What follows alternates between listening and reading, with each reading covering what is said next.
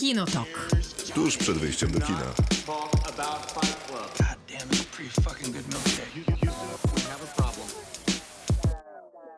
Krzysztof Majewski, dzień dobry. Maciej Stasierski, dzień dobry. Dwóch nas jest, Miłki nadal nie ma, jest na kwarantannie. Przepraszam. Ale nie ma podejrzenia zachorowania. Istnieje tylko takie prawdopodobieństwo, że być może jest nosicielką, bo wróciła z Alicante. Dlaczego jest? A, nosicielką już... No bo takie są przepisy w Polsce teraz, w ramach specustawy, że jak wracasz z zagranicy, no to jesteś dwa tygodnie w domu, a oni wrócili... straszne. To jest w ogóle ciekawe, bo oni wrócili godzinę po tym, jak ogłoszono te zasady. Gdyby wrócili godzinę wcześniej, to by nie siedzieli dwa tygodnie w domu. No może by i tak siedzieli. No, ale to tylko z własnej przyzwoitości i uwagi na ten temat. My też powinniśmy siedzieć, a nie siedzieć tutaj w studiu. No ale to w służbie tym, którzy siedzą. Tak, służnie tych, którzy nas słuchają. Ile razy dezynfekowałeś ręce w tym budynku? Już za cztery. Ja chyba z A 12. jesteśmy, jestem tu od godziny, więc... No, jesteśmy w miarę bezpieczni. Dzisiaj będziemy rozmawiać o filmach, które można zobaczyć z własnej kanapy, z własnego fotela, czyli obejrzeć w streamie, nie ruszając się z domu, czyli żeby robić to, co należy robić w tym e, czasie. Więc będziemy proponować najróżniejsze filmy, które lubimy z takich lub innych powodów na najróżniejszych platformach. Więc zacznijmy. Albo będziemy proponować też takie filmy, których nie znamy jeszcze, a spodobały nam się z opisów. Ja tak mam, mam, mam sporo takich filmów. Aha, to ja nie mam takiego żadnego. Aha, dobrze. nie, bo ja mam takie, które wybrałem sobie, żeby potem je nadrobić i żeby o tym potem jeszcze może pogadać kiedyś. Miłosława Bożek, czyli nasza trzecia współprowadząca, też z nami będzie.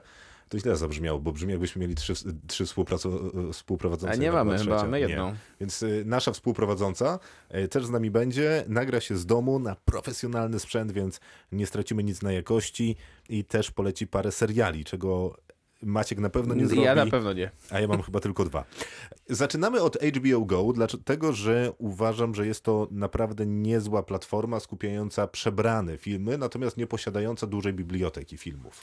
Nie posiadająca, to prawda, i te filmy, y, ale ma świeże filmy za to w miarę. Ma świeże filmy, ma ciekawe filmy, takie, które ja w wolnym czasie chętnie oglądam i zawsze śledzę to, co ma się u nich niebawem pokazać. Ostatnia ich premiera e, na streamingu to Toy Story 4, czyli no fantastyczna propozycja prawdopodobnie dla każdego. Też myślę świetna propozycja dla tych, którzy spędzają czas w domach nie tylko w parach, ale w rodzinach i mają po prostu dzieciaki. To z nimi spokojnie ten film mądry i ładny i zabawny można I zdobywca obejrzeć. Oscara zresztą też za Jeżeli- najlepszą animację. Jeżeli komuś brakuje argumentów, to dokładnie tak. Przypominam, że Tom Hanks zaraził się koronawirusem, więc możemy go usłyszeć też w Toy Story 4. On tam gra chudego. Ciekawa, cie- ale w polskiej wersji nie. No nie. Y, No, ale to a- można obejrzeć z angielskim dubbingiem. No oczywiście. Z... Idris Elba też ma wiru- koronawirusa. Tak, to jest informacja świeża dość. Mam wrażenie, że to będzie tak jak z Chuckiem Norrisem, że dowiemy się, że koronawirus przechodzi 14-dniową kwarantannę, bo nie dał rady Idrisowi No, może Elbie. tak być. Wszystkim oczywiście życzymy zdrowia.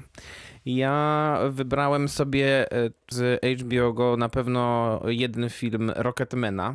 To jest film, który też jest dostępny na HBO Go aktualnie. To jest zresztą film Petarda. Petarda film, film, który w przeciwieństwie do Toy Story 4, które było nominowane do Oscara i Oscara dostało, Rocketman został jednak dość mocno olany przez Akademię Filmową, bo No z- tylko jedna nominacja i Oscar za piosenkę, ale pominięty przez, niesłusznie pominięty przez Akademię Filmową, no szczególnie wydaje mi się w kategoriach takich jak kostiumy, scenografia, ale też za znakomitą rolę Tarona Edgertona.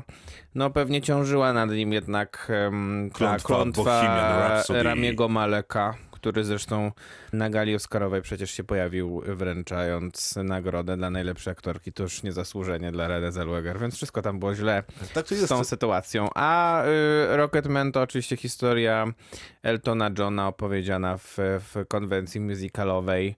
Mm, Bardzo fajnie opowiedziana w konwencji musicalowej. Zresztą ten sam reżyser, który kończył Bohemian Rhapsody, robił Rocketmana. To jest w ogóle ciekawe, bo ja myślałem, że ten film będzie kompletnie przegrany, dlatego że Elton John produkuje ten film. Więc jeżeli Tak ktoś, samo, jak rock, tak samo jak Bohemian produkował Brian May, więc czyli no, członek zespołu Queen. Tak. No właśnie, trochę jest tak, że jak ktoś opowiada historię o samym sobie, co na przykład nieźle widzieliśmy w Prawdzie Hirokazu Koredy Mhm. e, ostatnio, no to ta nasza pamięć, czy jest zawodna, czy nie, to jest jedna sprawa, a to druga sprawa jest taka, że no raczej wybaczymy sobie trochę rzeczy i potraktujemy się raczej nieco mniej uczciwie niż być może nawet na to zasługujemy. Elton John wydaje się, że no nie pokazał zbyt wielu mrocznych y, kart swojej historii, no to jednak nie ukrywa, że one tam były. Tak, ale też bardziej zdystansował się mm, wobec swojej historii niż, że powrócę tutaj maniakalnie do tego Bohemian Rhapsody Brian May i Roger Taylor, bo oni zrobili z filmu o sobie mm,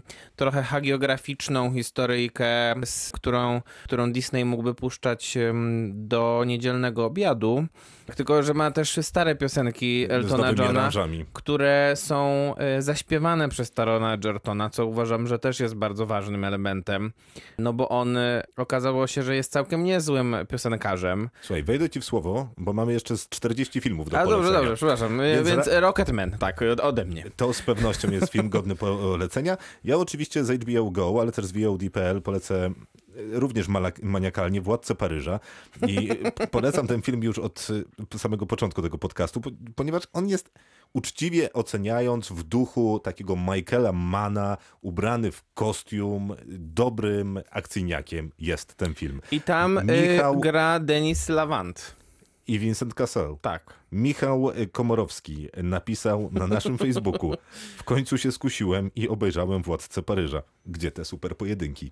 No widzisz, no nie przekonałeś chyba człowieka. Przekonałem, bo napisałem, y, że... Ja potem argumentowałeś, tak, tak, tak, że racja. w całym finale są przecież znakomite pojedynki i chwilę wcześniej też jest bardzo dobry pojedynek z jednym z żołnierzy, który zostaje wyciągnięty z powozu. Tam jest taka dramatyczna y, historia i dramatyczny pojedynek. I Michał przyznaje rację, że faktycznie tak było i przy okazji polecam też zobaczyć kapitana z Viggo Mortensenem, jeżeli ktoś, y, y, kapitana Altriste z Viggo Mortensenem, jeżeli ktoś szuka świetnych pojedynków, to na pewno tam. Na, y, niestety nie miałem polecać tego filmu, więc nie sprawdziłem, czy jest dostępny w streamie gdzieś, ale podejrzewam, że bez większego problemu można znaleźć. Jeszcze co do streamu, to zaznaczę, że YouTube i Google mają zaskakującą, bogatą ofertę filmową. Tak, Tylko- tam można kupować filmy, rzeczywiście. Tylko niektóre z tych filmów za wypożyczenie na 48 godzin Są bardzo drogie. potrafią kosztować 7 dych. Tak, tak, to prawda. Ale to tak samo jest na Chili Cinema na przykład. Jeżeli film jest rzeczywiście bardzo świeży, jak na przykład ostatnio wrzucili Le Mans 66, Mhm. to to są filmy, które kosztują po 50-60 zł. No tak, tylko że ja oglądałem na potrzeby zresztą zeszłotygodniowego podcastu film Upgrade, czyli wcześniejszy film reżysera Niewidzialnego Człowieka, który był bardzo dobry i przy okazji polecam, ale trzeba się liczyć z tym, że wypożyczenie na 48 godzin tego filmu, który jest sprzed paru lat już Mhm. i też nie jest jakimś blockbusterem, kosztuje 5 dych. No to jest bardzo dużo, wydaje jest mi się. I to, I to jest jakby problem tych wszystkich chyba platform, które nie, które nie, pro, nie, nie proponują abonamentowego Mhm. płacania filmów, tak jak jest na Netflixie, HBO Go i, i Amazonie. Na Prime E, Video. Na Prime Video, a też tak samo ma być chyba na Disney Plus, jeżeli w końcu się okaże, że Disney Plus kiedyś w Polsce się pojawi. Pojawiły się pierwsze informacje o tym, że Disney ma wchodzić do Europy, pojawiły się daty, była tam Polska wymieniona, a później Polska zniknęła z tego artykułu, który Disney e, Plus pokazał. Ale chciałbym zaznaczyć, że my w Polsce wcale nie mamy źle, ponieważ mamy Netflixa, Nie, nie. mamy Prime Video i mamy HBO Go. Na przykład, nie wiem, w Wielkiej Brytanii HBO Go nie mają, w Niemczech HBO Go nie mają. Co się nazywa Sky Ticket, dzięki A któremu... poza tym mamy bardzo dobrego ofertę. Netflixa, bo na przykład porównując to z ofertą Netflixa, którą miałem, miałem przyjemność i okazję przejrzeć jak podczas mojego, podczas mojego zeszłorocznego pobytu w Australii, tam Netflix y, polski w porównaniu z tym, co oni mają dostępnego, był bardzo do przodu, jeśli chodzi o premierowe filmy. Oni tam, tam można, kiedy, kiedy tam można było obejrzeć Infinity War, myślę, że, czyli mm, przedostatnich Avengersów, tutaj w Polsce już można było obejrzeć dużo dalsze filmy Marvela. Teraz filmy Marvela oczywiście zniknęły już z Netflixa, bo Ale na wszystkie- HBO Go jest na tak, przykład jeszcze, Avengers jeszcze jest Endgame. Avengers Endgame tak aktualnie. Natomiast ja znalazłem na HBO Go film, jedyny, jedyny film na tej liście, który, którą sobie zrobiłem, którego nie oglądałem i nie bez kozery za, za, nawiązałem do tego Denisa Lawanta, bo y, on jest jednym z aktorów, którzy grają w tym filmie, który się nazywa Debra. Staniczek po polsku. A główną rolę w tym filmie to mnie zainteresowało. Gra taki aktor Predrag Miki Manojlowicz, aktor, który jest Brzmi jak imię i nazwisko tenisisty jakiegoś. Aktor, który jest znany w Polsce z filmów em, Emira Kusturicy. Aha. E, w większości filmów e, tego serbskiego reżysera grał czasem mniejsze, czasem większe role, między innymi w Czarnym Białym Kocie. E, Dla uczestników chociażby T-Mobile Nowe Horyzonty czy Nowych Horyzontów teraz jest znany z takiego filmu Irina Palm, nie wiem czy kojarzysz taki film. Nie? To jest film, w którym główną rolę zagrała taka brytyjska piosenkarka Marianne Faithfull. Okej. I jest to film, on, on jest takim, e, można powiedzieć, jak to się mówi po polsku, pimpem. Po, po, po angielsku to jest pimp, A czyli po polsku to jest Alfons. Alfonsem właśnie, a ona Chociaż jest... nie z tym akcentem, bo Alfons może być kimś z Alfons. Hiszpanii, a to jest Alfons. Tak, i ona jest specjalistką od, jakby to powiedzieć, masturbacji. A? Tak. Jest to film interesujący o tyle, że ona jest e, osobą na emeryturze, która musi zebrać pieniądze na operację dla swojej córki i zatrudnia się jako osoba, która e, masturbuje mężczyzn, którzy wkładają, że tak powiem, swoje przyrodzenie w taką dziurę, która się nazywa Glory Hole i ona dokonuje masturbacji tej, tego przyrodzenia. Będziesz musiał to chyba wyciąć wszystko, co powiedziałem. Czekaj, y, czyli z całej oferty y, Ale wszystkich to nie jest, platform, ten film nie jest na HBO Go. z całej oferty wszystkich platform streamingowych na czas koronawirusa, który musimy spędzić w domu, wybrałeś właśnie ten film? Nie, bo e, przepraszam, ale e, bardzo dużo się mówi o tym, że e, akt masturbacji pomaga w walce z koronawirusem. Bo i później z- myjesz z- ręce, tak? Zwie, po, a po drugie, wydzielają się endorfiny i zwiększa się odporność organizmu. Nie no, okej. Zaraz tutaj wstawimy segment Miłki. Długi segment Miłki, żeby Maciej nie musiał już mówić, on jest zmęczony, a przy okazji ma suchy kaszel. I mój pierwszy tytuł to Epidemia strachu. Możemy znaleźć go w wypożyczalniach iTunes, serwisie YouTube oraz na aplikacji Google Play. Jest to dosyć oczywisty wybór, ponieważ Epidemia strachu jest drugim najchętniej oglądanym w 2020 roku filmem z katalogu studia Warner Bros., a niedawno znalazła się na szczycie list najczęściej wypożyczanych filmów na serwisie iTunes. Jest też w czołówce biblioteki Google Play. Nic dziwnego, ten film wpisuje się naprawdę bardzo w to, co się dzieje współcześnie. To film z 2011 roku. Uwaga, miał premierę na festiwalu filmowym w Wenecji, ale był prezentowany poza konkursem. To kino katastroficzne z podgatunku nazywanego w Stanach Zjednoczonych medical disaster, czyli oczywiście w centrum uwagi jest zawsze jakiś tajemniczy wirus, zabija on ludzkość i grupa naukowców, która bada chorobę, szuka lekarstwa. I tutaj epidemia strachu pokazuje reakcję naukowców, zwykłych ludzi, korporacji czy wojska. W tym wypadku reżyser Steven Soderbergh postanowił pokazać perspektywę wielowątkową. Zobaczymy tą perspektywę z oczami zwykłych ludzi, których paraliżuje strach, ale będziemy też widzieć naukowców, wojsko czy zamieszki i wątek ekoterroryzmu. Jednym z problemów tego filmu Jednym z wielu problemów tego filmu jest wielowątkowość, ilość postaci, miejsc, instytucji. Nie pozwala ona się zaangażować w żadnego z bohaterów czy jakąkolwiek ich historię, choć zobaczymy na ekranie m.in. Matta Damona, Kate Winslet, Marion Cotillard, Gwyneth Paltrow, Drew Lowe czy Lorenza Fishburna. To nie jest jedyny problem epidemii strachu. To jest po prostu zły film. Nie działa w nim nic. Ale jest na mojej liście, dlatego że nic się tak świetnie nie wpisuje w zaistniałą sytuację. Inspiracją były oczywiście reakcje na epidemię SARS-a i świńskiej grypy. Można znaleźć wywiad z 2011 roku Mike'a Ryana dla magazynu Unprox, gdzie rozmawia z reżyserem o filmie. W tym wypadku teraz, kiedy film znowu zdobył taką popularność, reżyser już nie chce udzielać wywiadów, ale tam można poczytać, co myśli o epidemii. No i chyba nie ma naprawdę bardziej wpisującego się to, co się dzieje w tym momencie na świecie filmu, więc jest to film zły, ale żeby na przykład trochę rozluźnić atmosferę i lęki, epidemia strachu na pewno jest jednym z takich tytułów. Żona. Nie mam. To jest y, propozycja z HBO Go, którą chciałbym wam też zaproponować. To jest film, który miał małą dystrybucję, a występuje Glenn Close, Jonathan Price. E, Film opowiada o pisarzu, który jest w przededniu otrzymania literackiej Nagrody Nobla i wtedy zaczynają się pewne problemy, zarówno w tym związku, jak i na ekranie, bo nie do końca wiemy, czy ten... ak- ten Na ekranie też? Aha, w sensie chodzi ci o fabularnie film, tak? Tak, tak. No to prawda. Dajesz radę nadążyć Tak, za roz, rozumiem, rozumiem, rozumiem. Dobrze, Mhm. okej. Pojawiają się uzasadnione wątpliwości, czy to ten mąż, czyli Jonathan Price jest autorem tej wybitnej literatury, czy też być może jego żona Glenn Close jest pomysłodawczynią, a być może nawet wykona- wykonawczynią większości jego dzieł.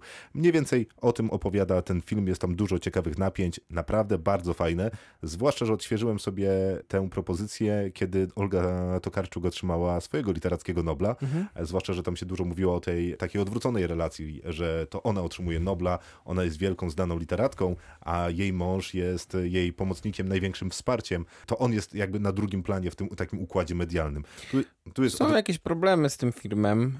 Film też nominowany do Oscara, bo Glenn Close Glenn, miała mhm. dostać za niego w końcu Oscara, ale przegrała z, z Oliwią Colman za faworytę. zasłużenie przegrała, chociaż Oscara na pewno powinna otrzymać. Oczywiście, tylko że być może nie za ten film. Jasne.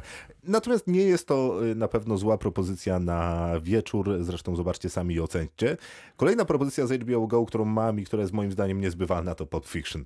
I ona jest, ten film się ledwo, świeżo chyba pojawił na HBO Go w ogóle. Nie wiem, kiedy się pojawił. Przeglądałem y, dwa dni temu, zacząłem robić te listy filmów y, na potrzeby tego podcastu. Wtedy był. Zresztą też jest na Amazon Prime. Pulp Fiction, bo Amazon Prime jest y, jedną z tych platform, która dość mocno zainwestowała w klasykę. Pulp Fiction, wiadomo, to nie ma, nie ma, co, nie ma co reklamować. Twoja propozycja z HBO Go, czy wy, wystrzelałeś? Nie, no mam jeszcze dwie. Jed, jedna, to jedna, z którą pewnie się nie zgodzisz. Okej. E, dosyć świeżo umieszczona na HBO Go, czyli Król Lew Johna Favreau. No nie zgadzam się. E, O wiele lepszym pomysłem moim zdaniem od oglądania nowego Króla Lwa Johna Favreau, którego szalenie szanuję, Johna Favreau, nie Króla Lwa, Aha, aha. jest obejrzenie oryginalnego Króla Lwa. Z tym, y, z tym nie będę mm, jakby mm, y, polemizował. Natomiast ja wciąż uważam, że Król Lew mimo pewnego rodzaju sztuczności zachował jakąś tam magię. Warto ten film obejrzeć jednak dla jego niezwykle imponujących, niezwykle imponującej strony wizualnej. Jasne, ale ta strona wizualna bawi mniej więcej tak długo, ile trwa trailer, więc można obejrzeć Tak, ale trailer, z a później strony- oryginalnego Z Króla drugiej Lwa. strony warto też posłuchać jednak głosów chociażby Chiwetel'a Ejiophora, który mm, odgrywa tutaj rolę skazy, No ale albo... po co, jak oryginalnie albo- skazę gra kto? Jeremy Irons? Zgadza się, więc widzę, argumentujesz za każdym razem, kiedy coś powiem na, na nie, no ale wciąż uważam, że Król Lew jest jednak jakąś interesującą propozycją, a druga to jest propozycja z kolei, jak, jak wspomniałeś o tym schyłku kariery, tutaj podsumowaniem kariery Roberta Redforda jest jego ostatni film, czyli Gentleman. Z rewolwerem, z lewo... Z rewolwerem. Z rewolwerem. To jest Tak. taki rewolwer, z którego się strzela lewą ręką. Tak, dokładnie. Bardzo, bardzo przyjemna uważam propozycja, bo bardzo ładnie, e, bardzo ładnie podsumowująca karierę, karierę Redforda film Davida Laurie, nie, czy J.C. Shandora, jednego z tych dwóch. e, Ja mam problem z tym filmem, ponieważ ja go zupełnie nie pamiętam. No ja go pamiętam, Wiem, dlatego... że on- napada banki w taki elegancki sposób, uchyla fedory i mówi, że Tak, dokładnie dzień to dobry, tu robi, napad. ucieka z tych, ucieka z więzienia wielokrotnie. Jest tam w- parę fajnych smaczków, między innymi mm, drugoplanowe role z jednej strony Sissy Która gra taką jego mm, ukochaną, e, przez wiele lat ukochaną, a z drugiej bardzo dobra drugoplanowa rola Casey Afflecka, który jest tym policjantem, który go ściga i nie może złapać. To jest bardzo ciekawy film. Bez wątpienia, ale jak mówisz, Robert Redford, jest wiele ról, które można sobie przypomnieć, ale jest taki film, który bardzo lubię. Tam gra też Brad Pitt, nazywa się Zawód Szpieg. Robert Mhm. Redford jest tym starszym szpiegiem, który jakby zarządza szpiegiem w terenie, czyli Bradem Pittem. Co za kawał dobrego kina. Gdybyście znaleźli to gdzieś w streamie, a nie znacie tego filmu, to gwarantuję wam, no po prostu rozrywka Tonego Scotta lotów. zresztą film chyba. Tonego Scotta, jeden, brata jeden z jego, jeden jego ostatnich filmów niestety, bo Tony Scott e, Popełnił samobójstwo. popełnił samobójstwo parę lat temu. Mam jeszcze parę propozycji z HBO Go. Na Mhm. przykład pojawił się tam film I młodzi pozostaną Petera Jacksona. To I super film. Można mieć różne zdanie o tej produkcji. Mnie też się wydaje, że jest super, zwłaszcza jeżeli ktoś jest na bieżąco z kinem Oscarowym, to 1917 jest dobrym dopowiedzeniem do I młodzi pozostaną, albo I młodzi pozostaną są dobrym wstępem do 1917. Peter Jackson wziął archiwalne materiały z BBC, wideo z I wojny światowej, następnie je przemontował, następnie je odrestaurował, czy też w ogóle zmienił ich technologię, bo one były... Kolor dorobił też chyba. Dorobił kolor, tak, ale te filmy w starym zapisie wideo miały bodajże 15 czy 16 klatek na sekundę, a on je awansował do 30 klatek na sekundę. I to dalej nie wygląda jak super płynny obraz, który oglądamy w kinie, bo tych klatek jest znacznie więcej, ale wygląda już płynnie i dosyć naturalnie. A następnie, przyglądając się, co ci żołnierze mówią, ze specjalistami od czytania z ruchów warg, zatrudnił aktorów i udźwiękowił, po części oczywiście, ten film. Jako obraz I wojny światowej, czyli chłopaków z Wielkiej Brytanii, którzy po prostu nie bardzo wiedzieli, co ze sobą zrobić i myśleli, że czeka ich fajna przygoda, a skończyło się na spaniu zimą w okopach, które w nocy zamarzały i trzeba było wyrywać y, nogi z błota i lodu, jest naprawdę świadectwem bardzo przejmującym, kinem bardzo mocnym. To ja dorzucę jeszcze, nie wiem, czy pamiętasz taki film y, Brady'ego Corberta Vox Lux, Lux z Pamiętam. przed dwóch lat?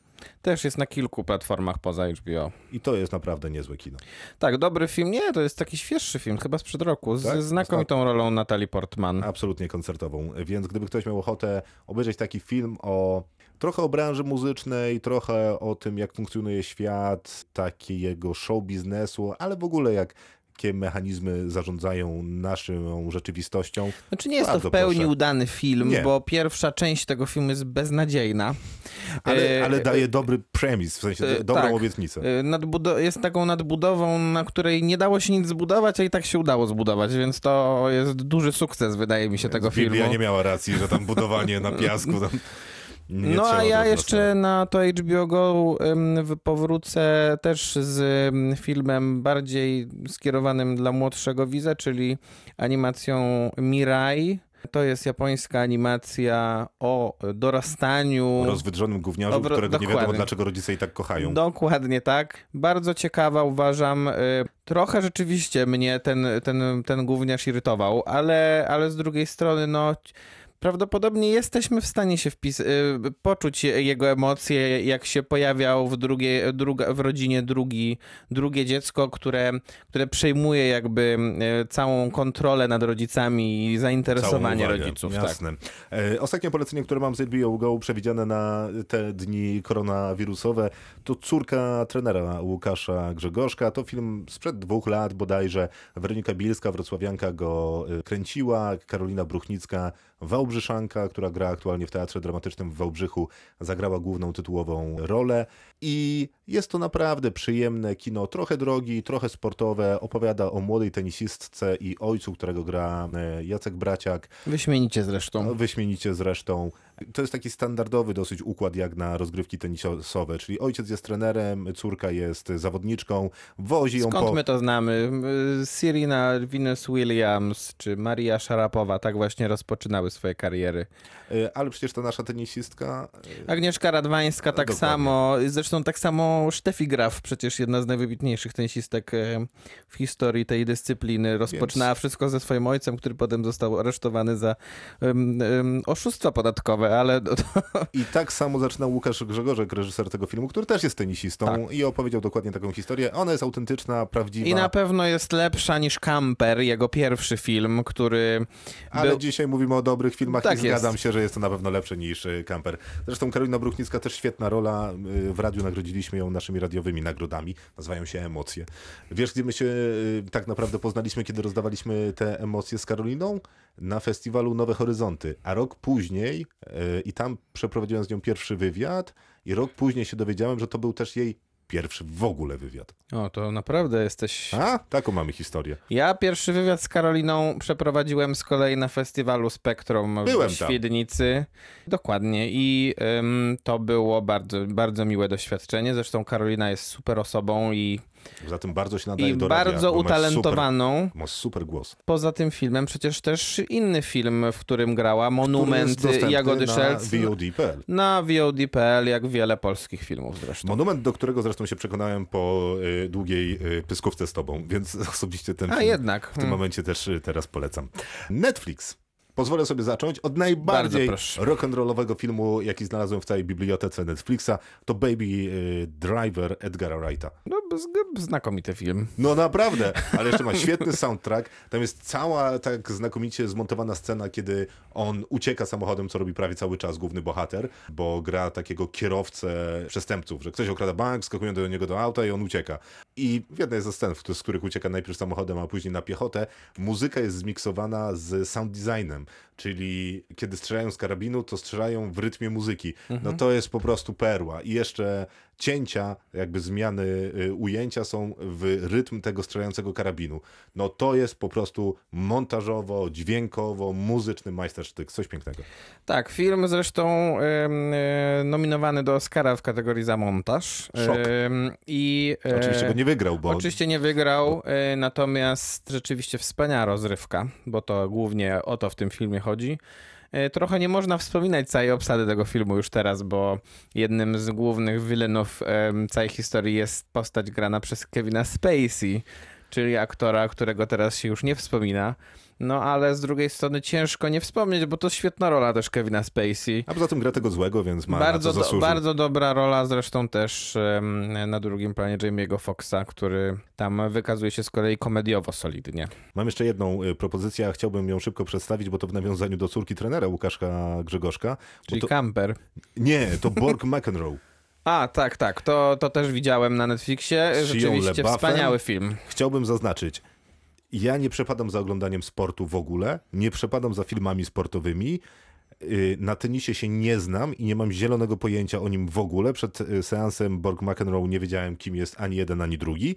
Po seansie coś tam o nich wiem, ale co to jest za film? Tak, to jest świetny film, e, znakomita, rzeczywiście taki, no, można powiedzieć, nie wiem, thrillerowa, thriller właściwie. Taki, Właściwie tak, bo mamy z jednej strony tego Borga, z drugiej McEnroe'a, to jest tak jak ogień i woda, jeden jest Tak, taki jeden jest taki wyłączony, skupiony, profesjonalny do granic możliwości, a drugi z kolei jest takim furiatem e, grany przez Shia LaBeouf'a. przy LeBeffa. Tak, czyli- Jedyny raz, kiedy zostaje dobrze obsadzony Tak, ten do, aktor. dokładnie. I może sobie tam rzeczywiście pokrzyczeć, poszarżować i, wszystko robić to, co robił John McEnroe rzeczywiście na korcie, bo to jest e, tenisista, który jest... Ty jesteś fanem e, tenisa, to są jacyś bardzo utytułowani Równie tenisiści. mocno znany z tego, że e, jest wybitnym tenisistą, jak z tego, że był bardzo często wyrzucany z kortu przez, przez kłótnie z, z sędziami. No z kolei Björn Borg to jest jeden, jeden z niewielu tenisistów w historii, którzy wygrywali Wimbledon pięć razy z rzędu. Ten film opowiada o jego piątym zwycięstwie. To jest y, niesamowita kariera, bo facet był na tyle, y, na tyle tak z chirurgiczną precyzją chciał, em, chciał em, swoją karierę zaplanować, że jak zaczął przegrywać, to zakończył karierę. Ta, Okej, okej, ja nie chciałem zaczynać tu dyskusji o, te, o tenisie, naprawdę, Dobrze, przepraszam, przepraszam. przepraszam. Poleć jakiś film z Netflixa lepiej.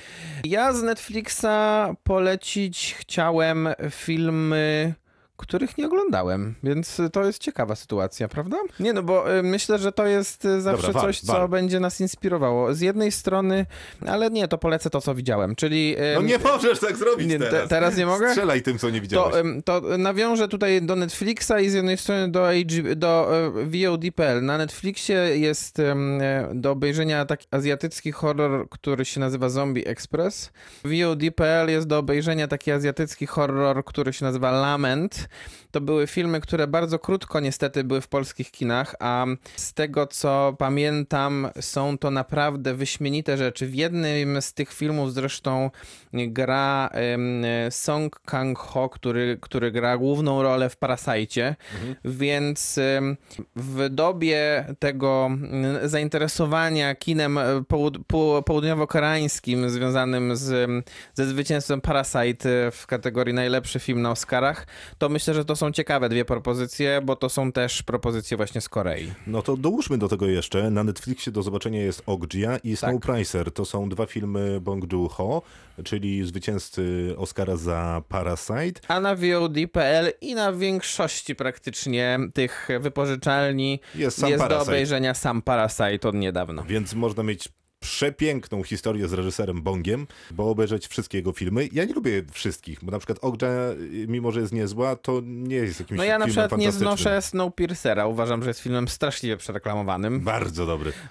Z Chrisem Evansem, Z Chrisem e, w roli Evansem, głównej, tak. czyli to Kapitan I Ameryka. między innymi z Tildą Swinton, no która świetne, zresztą też Świetny wagon. która zresztą też gra w Ogdży. Znalazłem na Netflixie też film, który absolutnie uwielbiam, a który jest y, często pomijany w bogatej i ciekawej karierze Christophera Nolana, e, czyli Prestiż. Do momentu, kiedy nie obejrzałem Dunkierki, uważałem, że to najlepszy film Christophera Nolana w ogóle. Wciąż myślę, że e, jest to moje drugie miejsce w jego filmografii. Bardzo rzeczywiście niedoceniony film, zapomniany film Nolana. No tam on em, jest, można powiedzieć, em, magikiem kina, bo też jest o tym film O właśnie. iluzjonistach. e, Tak. Jednego z nich gra Christian Bale, a, A drugiego Hugh Jackman. I trudno powiedzieć, który jest lepszy. Pojawia się też e, Tesla ze swoimi wynalazkami. Grany przez em, przecież świętej pamięci Davida Bowie. E, Dokładnie. I gra też tam Michael Caine między innymi. Czyli Wiadomo. rozpoznajemy zestaw Christophera Nolana. Co ciekawe, to jest fajne też porównanie, bo ten film wyszedł dokładnie w tym samym roku, w którym wyszedł film Iluzjonista który też był niezły. z Edwardem Nortonem w roli głównej. Jak porównać te dwa filmy, to jednak Nolan wygrywa. Iluzjonista to był też interesujący film. Tak, Nolan wygrywa, ale iluzjonista na pewno niczego nie przegrywa. Dwa bardzo dobre filmy, dwa o iluzjonistach, zresztą dokładnie z tego samego okresu, w sensie, Tak. bo to są dwa filmy kostiumowe, więc to było dosyć zastanawiające, jak oni układają daty tych premier. Jeden z moich ulubionych filmów akcji, Krwawy Diament, z Leonardo DiCaprio o przemycie tak zwanych krwawych diamentów, bo okupionych y, krwią y, ludzi y, z Afryki, y, oczywiście przemycanych tutaj do Europy, do Antwerpii, do Londynu. Fantastyczne kino, świetna rola Leonardo DiCaprio, zresztą to jest takie ciekawe, bo jak myślisz o jego karierze, to masz Leonardo DiCaprio z Titanica i później masz tego Leonardo DiCaprio późniejszego z na przykład Złabnie, jeśli potrafisz, a później za dotknięciem magicznej różdżki nie masz już tego takiego pięknego blonda, blondasia, tylko masz tego Leonardo DiCaprio z Krwawego Diamentu właśnie, czyli już z taką ogorzałą twarzą, z krótką fryzurą na jeża, który strzela z pistoletu do wszystkiego, co się rusza. To był w ogóle niesamowity rok w karierze Leonardo DiCaprio, bo poza właśnie rolą w Krwawym Diamencie, za którą był nominowany do Oscara, grał też... TJA, tam ciągle powtarzają. e, Grał to też to w Afryka, em, Infiltracji w tym samym roku Martina Scorsese. którą zawsze dobrze poleci, bo to jest absolutnie fenomenalne kino. Tak, więc e, tak, Krwawy Diament to jest rzeczywiście film e, zapomniany też wydaje mi się dość mocno. Wiesz co, y, ja żyję w bańce z samego siebie, bo uwielbiam Krwawy Diament y, i No. Okej. mam wrażenie, że wszyscy o tym filmie wiedzą i nawet się zastanawiają, czego e, polecać. to zapewniam cię, że nie. E, Wydaje mi się, że nawet fani Leonardo DiCaprio nie do końca kojarzą, że za ten film akurat DiCaprio był nominowany do Oscara, bo wszyscy powiedzą, że nie wiem, za, Wilka, za Wilka z Wall Street, Mhm. za Zjawę był ten. Większość pewnie powie też, że był nominowany za Titanica, mimo że nie był i za Kto gryzie Gilberta Grape'a, bo to była jego pierwsza taka wie, duża rola filmowa, ale ten Krwawy Diament jest zawsze zapomnianym filmem. Bardzo dobrym zresztą, bardzo dobrym filmem akcji po prostu. Świetny. Tam e, za ten film też zresztą no, do Oscara nominowany był też Jimon Hunsu, e, aktor, który gra tam jednego z tych takich bossów zajmujących się tymi diamentami i który troszeczkę walczy tak z, zwanego z, lokalnego z Leonardo. DiCaprio. No, kto widział film, ten wie, jak ta walka się kończy. E, Mam jeszcze jeden tytuł, e, też z początku kariery, znanego i rozpoznawalnego w tym momencie reżysera. Mhm. Chodzi o Deniego Villeneuve'a, czyli autora zbliżającej się e, a- Duny, Mhm. ale też autora Sicario, czy Rival, czy Blade Runnera oczywiście, 2049. A ten jego pierwszy, to nie jest jego pierwszy film, ale jeden z pierwszych, nazywa się Labirynt. A, nie, Lab- a Labirynt to nie jest jego jeden z pierwszych filmów, ale tak, to jest jeden No z to jego jest chyba pierwszych jego filmów czwarty film. amerykańskich. Tak. Tak, no bardzo dobry. To jest fantastyczne kino, ale nie wiem, czy chcecie je oglądać y, w ramach kwarantanny i zamknięcia w ciasnej przestrzeni. Raczej nie. Bo to jest y, film o zamknięciu pewnej osoby w ciasnej przestrzeni z pewnych powodów przez pewnego mężczyznę. Hugh Jackman jest tym, który zamyka, a tym, A Jake. Gyllenhaal jest tym, który Jest stara zamykany. się... Nie, on chyba, jest, on chyba się stara bardziej odnaleźć tę osobę. Tak, tak, tak, tak. tak, tak.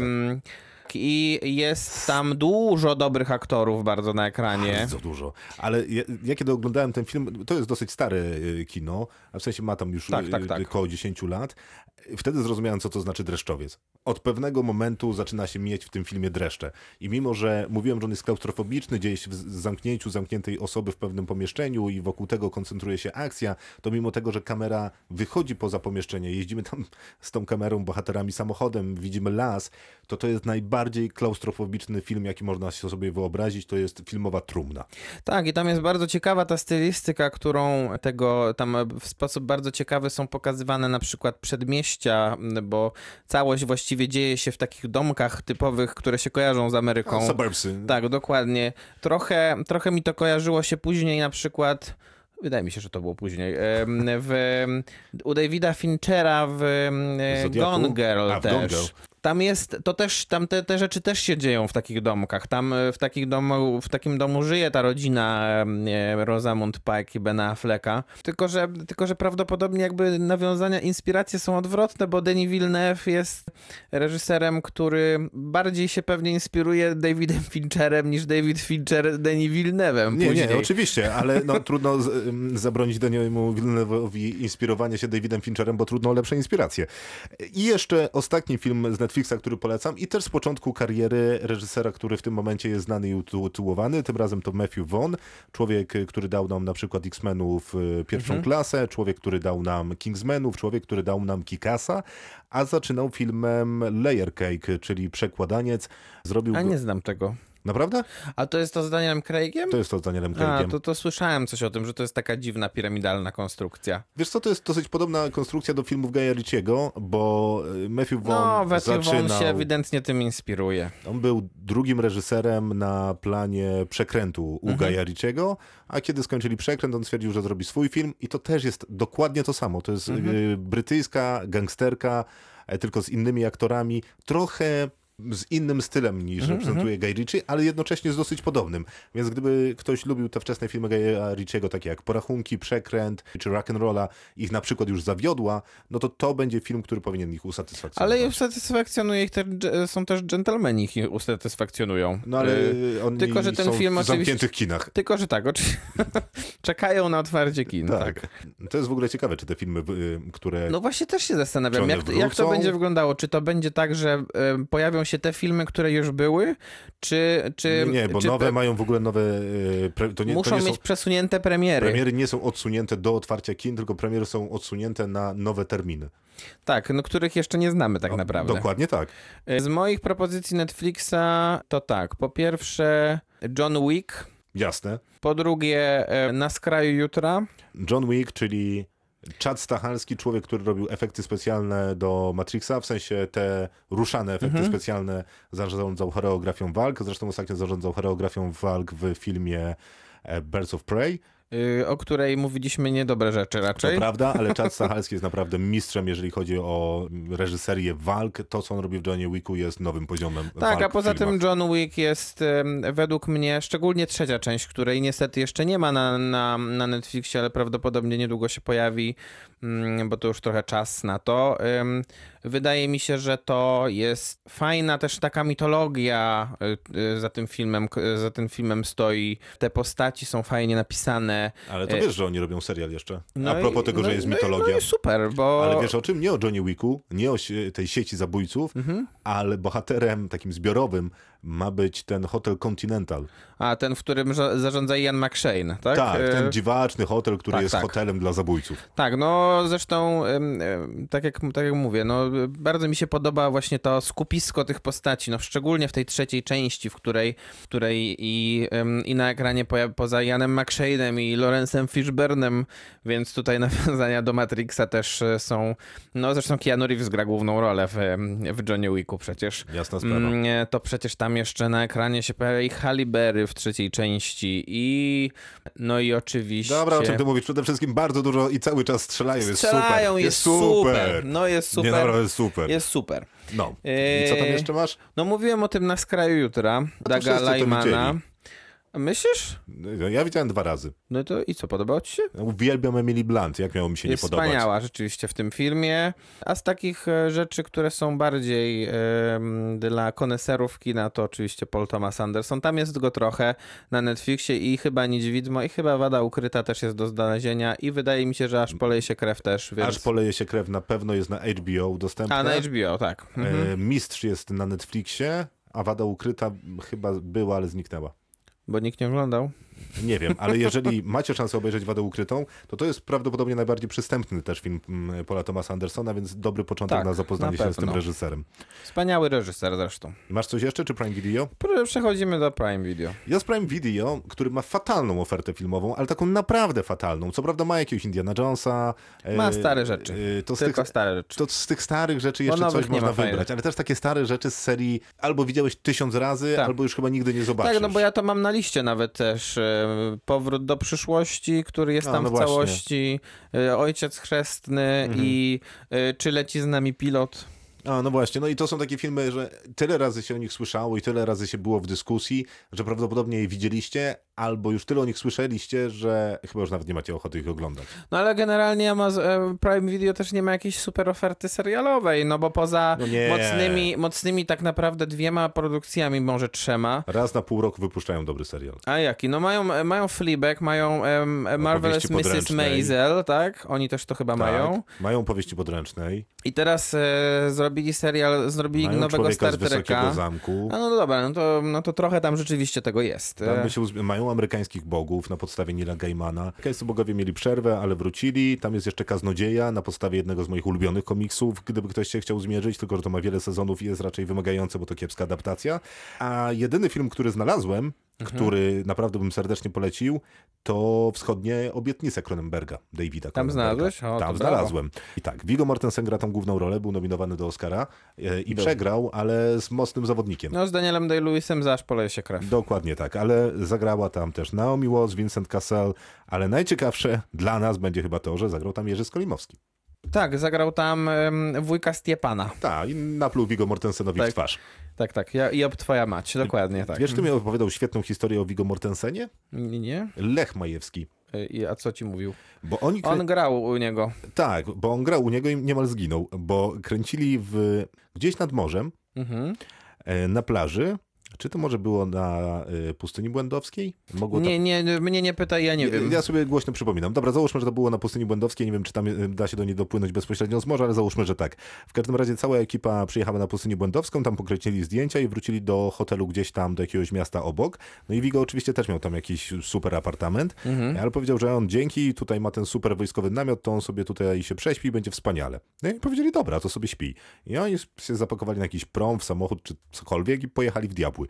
No i wracają następnego dnia, no i szukają tego Viggo Mortensena, bo nie ma go w tym namiocie, łażą dookoła, a tak się składa, że na tej pustyni błędowskiej są ruchome piaski. I znaleźli go w tych ruchomych piaskach. Po szyję zakopany. A nie zorientował się?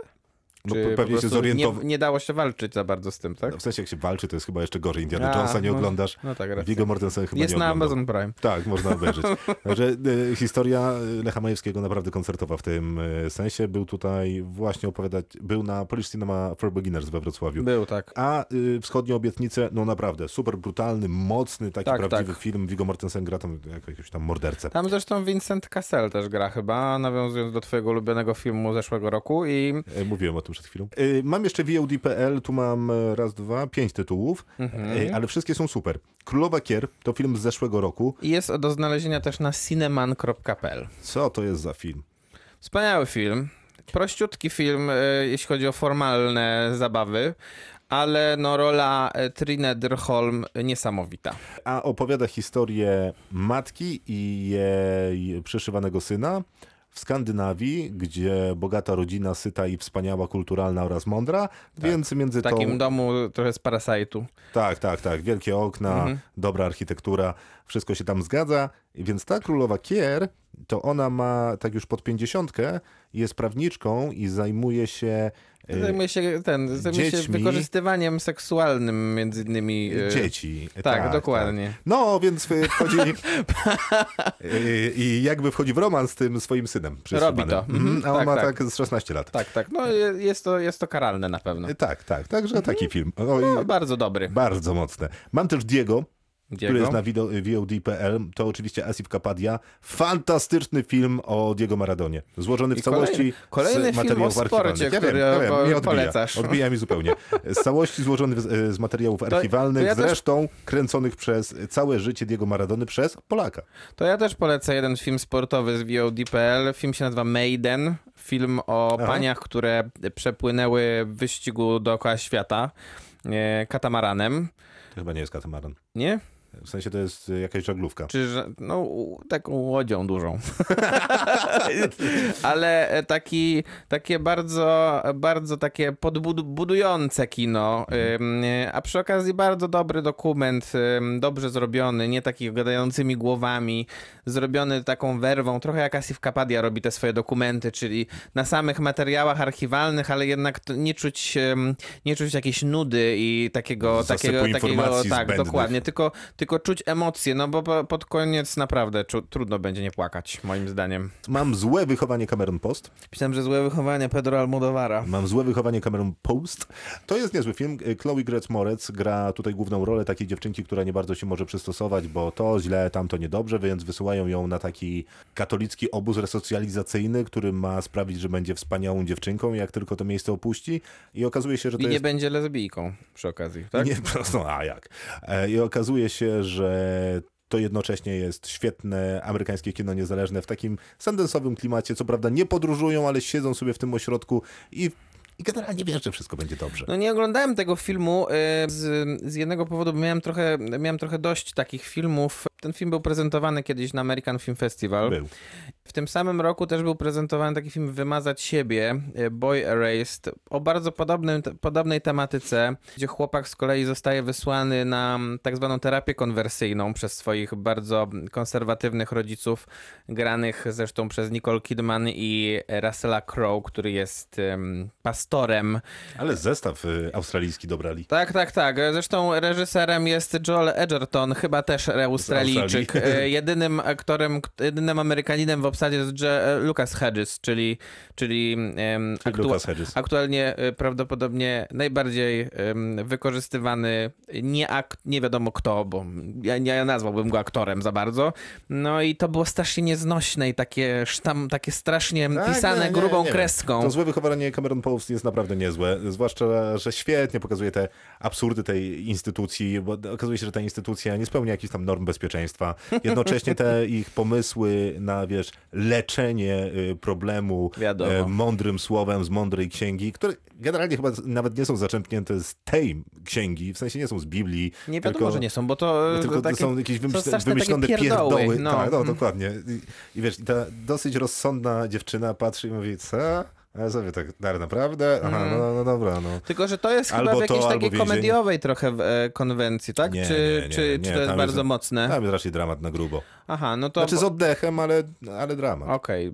No ja myślę, że na VOD.pl oczywiście warto polecić wszystkie produkcje Gutek Film, które się tam pojawiają, czyli na pewno Parasite, Pewnie. na pewno Portret Kobiety w ogniu, którego jeszcze nie ma, ale za chwilę będzie. Jasne. E, no i dużą bazę polskiego kina. Tam jest dużo polskiego kina. I z tego polskiego kina znalazłem foton, którego Mhm. długo szukałem e, w internecie, ponieważ obejrzałem go chyba jeszcze na festiwalu Nowe Horyzonty. Ja na pewno wtedy. E, To jest film Jareda Leto i to jest... e, Nie, to jest Normana Leto. e, Normalna Leto. To było niezłe, gdyby to był Jared ale, Leto. to był, ale, no nie, no ale był to Norman. Tak, był to Norman. Niestety. E, Leto. I to jest ciekawa produkcja. Taka trochę zaambitna, y, taka trochę, że można by ją już nazwać trochę zbyt śmiałą, ale... No bo to jest taki trochę dokument, trochę To jest taki... dokument o stanie ludzkości, ale tak. Tak. od samego prapoczątku ludzkości, od tam pierwszej, najmniejszej bakterii do tak, do cywilizacji 3.0. Ale wiesz, no jak ktoś, jak, jak o takich rzeczach opowiada ci y, Andrzej Chyra, to, to zawsze jest lepiej, wydaje Tak, bo, mi się, nie? Bo film jest złożony z animacji najróżniejszych, a lektorem e, całego filmu i przez tam półtorej godziny mówi do ciebie Andrzej Chyra. Który się Jest pojawia nieźle. zresztą też w scenach, y, które tam są nie, być może niepotrzebnie zupełnie dołożone takie aktorskie sceny, które tam są. Tak, tak, tak. To No no, film- potrzebnie, niepotrzebnie. Film, no film e, ale film bardzo lubiany, wydaje mi się, że przez publiczność, bo z jednej strony dostał nagrodę publiczności na Nowych Horyzontach, To nic nie znaczy a na Nowych tym, Horyzontach. ale dostał też e, główną nagrodę na festiwalu Młodzi i Film w Koszalinie, e, a to już jest duża nagroda dla debiutanta, Jasne. bo, bo to naprawdę jest ważny festiwal. Jest to kawał dobrego kina, y, naprawdę się nie zawiedziecie. Dla wszystkich, którzy zaczytują się tam w- Yusufie, Noah, Hararim, 20 pytaniach na nowy wiek i y, Homo Deusie. Jeżeli jesteście zainteresowani tego rodzaju tematami, to na pewno Foton was nie zawiedzie. Chciałem powiedzieć, że jeszcze w objęciach węża Shiro Gerry jest do zobaczenia na VOD. Nie znam tego. Naprawdę? Znaczy znam, znam tytuł, nie znam To filmu, jest ten sam człowiek, który zrobił Sny wędrownych ptaków.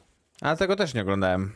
Okej, To- to jest jeszcze jego Dobrze mi poszło. czarno-biały film, przepiękny, mówiący, tam jest taka świetna scena, kiedy jeden z kolonizatorów tym rdzennym plemionom daje bodajże kompas, któraś z tam z osób zabiera mu ten kompas i mówi, nie dawaj im tego, ponieważ zabijesz w nich umiejętność rozpoznawania e, kierunku bez użycia e, cywilizacyjnych rozwiązań.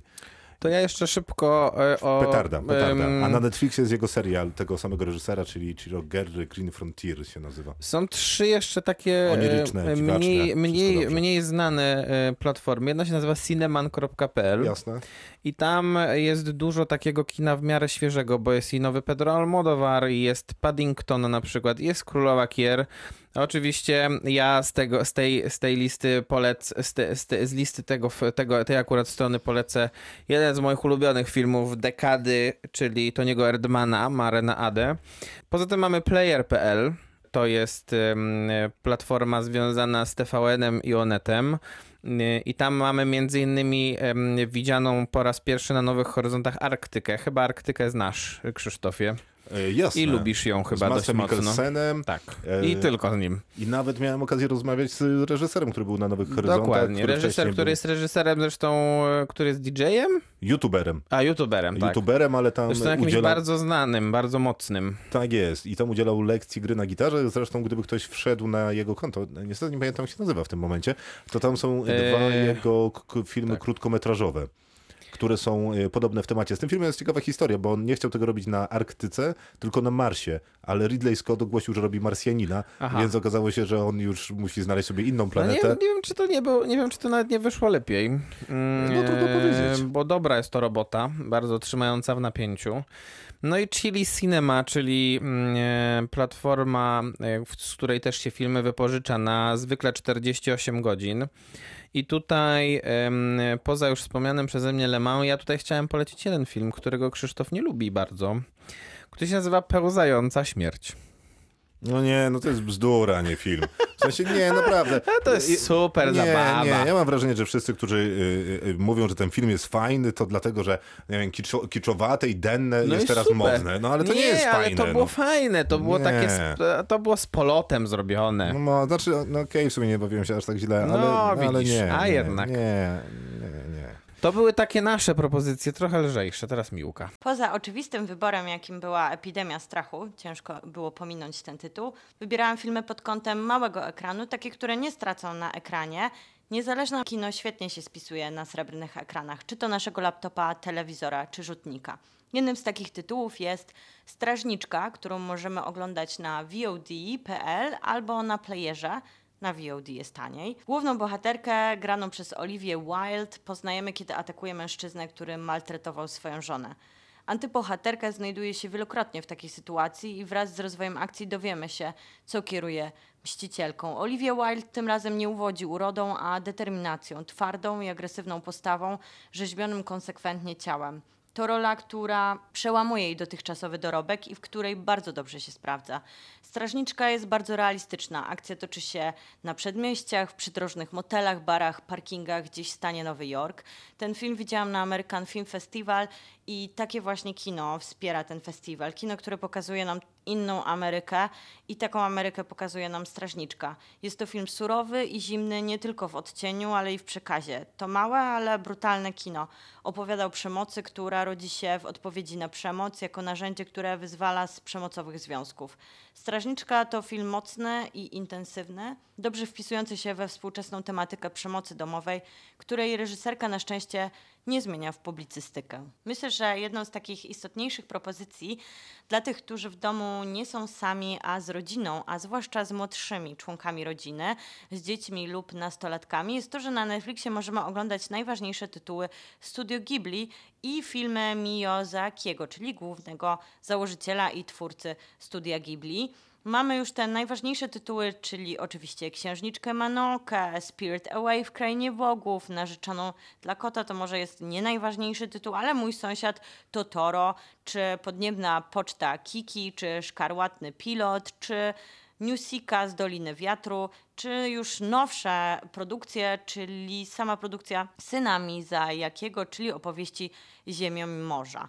Myślę, że to świetna propozycja i dla rodziców, i dla dzieci to są przepiękne animacje, które może znamy dobrze, ale na pewno nie wszystkie, bo tutaj na przykład Laputa się pojawia, jest też Szum Morza, Tajemniczy Świat Ariety, Narzeczona dla kota, o której wcześniej wspominałam, Powrót do marzeń, czy na przykład Rodzinka Jamadów, czyli jest więcej tytułów niż te klasyki, które znamy, więc warto sobie sprawdzić, co nam oferuje ta cała biblioteka.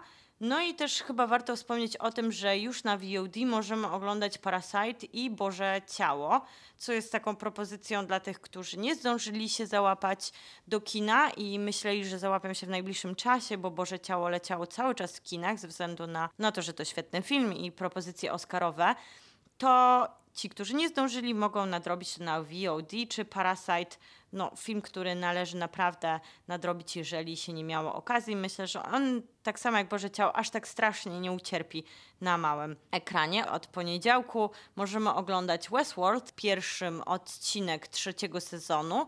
I to jest taka trochę zwyrolska opcja, trochę geekowa, ale każdy, kto ma naprawdę dużo czasu na kwarantannie, a może na pewno powtórzyć sobie wcześniejsze odcinki, a jeżeli to jest za dużo, bo myślę, że dla wielu jest to za dużo, to jest bardzo dużo takich fajnych propozycji zebranych, gdzie przypomina się, co się wydarzyło w pierwszym i drugim sezonie Westworld, żeby tak naprawdę płynnie przejść do trzeciego sezonu, bo to jest wymagająca struktura, wielki scenariusz i warto sobie odświeżyć te wcześniejsze sezony. I naprawdę na YouTubie możemy zobaczyć dużo kompilacji, które przypominają, co się wydarzyło krok po kroku w jakieś 15-20 minut, więc nie trzeba poświęcać całej kwarantanny na Westworld. I możemy już oglądać trzy odcinki serialu na HBO, chociaż serial samego HBO nie jest. Devs Alexa Garlanda, którego znamy ze świetnego debiutu Ex Machina, czy filmu, który również zobaczycie na platformie Anihilacja, filmu, który przygotowywał do kin, ale w końcu przejął go Netflix. Więc w ramach tego, że oglądać się będzie Devsa na HBO. Jeszcze nie widziałam, ale na pewno z lekką ręką można polecić. Można też zobaczyć Anihilację w ramach tego przygotowania. Na mojej liście oczywiście znalazło się też miejsce na serial i wybrałam w potrzebie od HBO. Mamy już sześć odcinków czwartego sezonu, ale warto chyba wspomnieć o całości, bo to serial mniej znany, a naprawdę warto się nim zainteresować. To serial Katy Bleachfield i Bena Sinclaira, małżeństwa, i on ma już wiele lat. Początkowo był dostępny na internetowej platformie Vimeo, która w latach 2012-2015 produkowała też ten serial i emitowała go. W 2015 roku HBO przejęło serial i właśnie możemy oglądać czwarty sezon już w tym formacie platformy. Ben Sinclair niezmiennie pozostaje głównym bohaterem, czyli sympatycznym dealerem, który podróżuje po Nowym Jorku, uchylając drzwi do życia jego mieszkańców. Na początku odcinki miały tak format od 5 do 10 minut, teraz mają około 30-minutowy format. To jest zależne od odcinka, ale główne założenie twórców się nie zmienia. Serial pozostaje niezależną, kameralną, no tutaj trudno nie użyć tego słowa, hipsterską produkcją, przepełnioną świetną muzyką, obsadą znaną z niejednej indie produkcji i co najważniejsze jest bardzo pomysłowy, świeży i niesamowicie czuły. Tak wzruszających 10 minut chyba jeszcze nie udało mi się powtórzyć, jak w towarzystwie znajomych i klientów Guy'a, czyli głównego bohatera. Ciepły, zabawny, mądry i niezwykle barwny serial obyczajowy, o którym mało kto słyszał, a każdy powinien się z nim zaprzyjaźnić. Kolejną propozycją jest nasza młodsza siostra, którą możemy zobaczyć na VOD. Wcześniejszy film Hirokazu Koridy Złodziejaszki, za którego otrzymał Złotą Palmę w Cannes, też można oglądać na VOD, ale polecam mniej znany jego wcześniejszy film Nasza młodsza siostra. To kameralne kino, inspirowane powieścią graficzną Akimy Yoshidy, składające się z przyziemnych, codziennych czynności. Rytmy wyznaczają rytuały, i tak znaczące wspólne posiłki. To bardzo delikatny, wyciszony dramat, który podejmuje temat powracający w twórczości koridy, opuszczone przez rodziców dzieci próbujące stworzyć nowy dom, nowe rodziny. Oglądamy trzy siostry mieszkające pod jednym dachem. Ich rodzice rozwiedli się i od 15 lat nie utrzymują z nimi kontaktu. Każda z sióstr jest klasycznie swoim przeciwieństwem. Razem tworzą kruchą relację. Tak dobrze znaną niejednej siostrze. Ich relacje ulegają zmianie w chwili, gdy decydują się przygarnąć 13-letnią przyrodnią siostrę, o której istnieniu dowiedziały się dopiero na pogrzebie ojca. To bardzo azjatycki film, piękny, oszczędny, wzruszający, subtelny. Przy okazji to też bardzo ciepły film, który sprawia, że stajemy się częścią tych relacji i to naprawdę napawa optymizmem. Siedem dni w piekle od HBO pozostaje w rozluźniającym gatunku komedii. Siedem dni to 40-minutowy monkument parodiujący dokumenty o sporcie. Andy Sandberg i Kit Harington, tak, sam Jon Snow, wcielają się w rolę fikcyjnych gwiazd tenisa, a na drugim planie zobaczymy takie gwiazdy jak Lena Dunham, David Copperfield, Aaron Williams i Charles Paul spotykają się na kortach Wimbledonu i rozpoczynają najdłuższy, najbardziej widowiskowy mecz wszechczasów. Maraton na korcie, który potrwa 7 dni i 5 setów. Stawką jest tytuł mistrza Wimbledonu. Zmagania komentują znani tenisiści Serena Williams, Chris Evert. Z kolei natchnioną niemalże narrację zawdzięczamy Johnowi Hammonowi. Siedem dni w piekle ma bardzo dobrze napisany scenariusz, ale to Hama nadaje komediowy rytm. Mamy tu świetne aktorstwo, jest absurdalnie, bardzo pomysłowo i co najważniejsze jest bardzo śmiesznie. Nie ma jak dziwne, kuriozalne widowisko o tenisie, które poprawi nastrój na każdej kwarantannie. Jęk Czarnego Węża, który też możemy zobaczyć na HBO, to pierwszy trochę starszy tytuł na mojej liście. Wszystkie wcześniejsze są z 2018 roku, a to tytuł z 2006 roku. Skojarzył mi się ten tytuł i dlatego na niego wpadłam z przymusową kwarantanną i traktować należy ten film z przymrużeniem oka. Jest w nim Christina Ricci, pewnie dawno niewidziana, pod nieobecność swojego mężczyzny, uwaga, Justina Timberlake'a, nie oszczędza się. Codziennie alkohol, narkotyki, seks. Jest też Samuel Jackson, starszy facet po przejściach, którego nieszczęśliwe małżeństwo się skończyło. Jednego wieczoru ich drogi niespodziewanie się spotykają i to spotkanie prowadzi do prawdziwego katarzis. Zmiany wymagają czasem zdecydowanych środków. W tym wypadku pomaga w tym mosiężny łańcuch i kaloryfer. Jest to film odważny, absurdalny, obraźliwy, wymagający sporo dystansu, myślę, że od scenarzysty, reżysera i aktorów. I chyba podobnego oczekuję od widza. Ale jak się da mu szansę, myślę, że jest za to spora nagroda. Kolejnym tytułem jest Nienawiść, którą dajesz. Film zobaczymy na Kanal Plus. Powieść autorstwa Angie Thomas z 2017 roku przez prawie rok nie schodziła z listy bestsellerów New York Timesa i doczekała się ekranizacji. Film pokazywano na American Film Festival, gdzie otrzymał nagrodę publiczności. Skierowany do młodego widza, oparty na bestsellerze gatunku Young Adult, podejmuje się tematu rasizmu i mechanizmów jego powstania. Główną bohaterkę Star gra świetna Amanda Stanberg. Na ekranie zobaczymy więcej gwiazd młodego pokolenia, znanych z seriali i amerykańskiej popkultury, co jest sprytnym zabiegiem, bo ten film powinien zobaczyć każdy nastolatek. Generuje dużo emocji i łatwo tu o wzruszenia i jest to zabieg świadomy, choć momentami nachalny.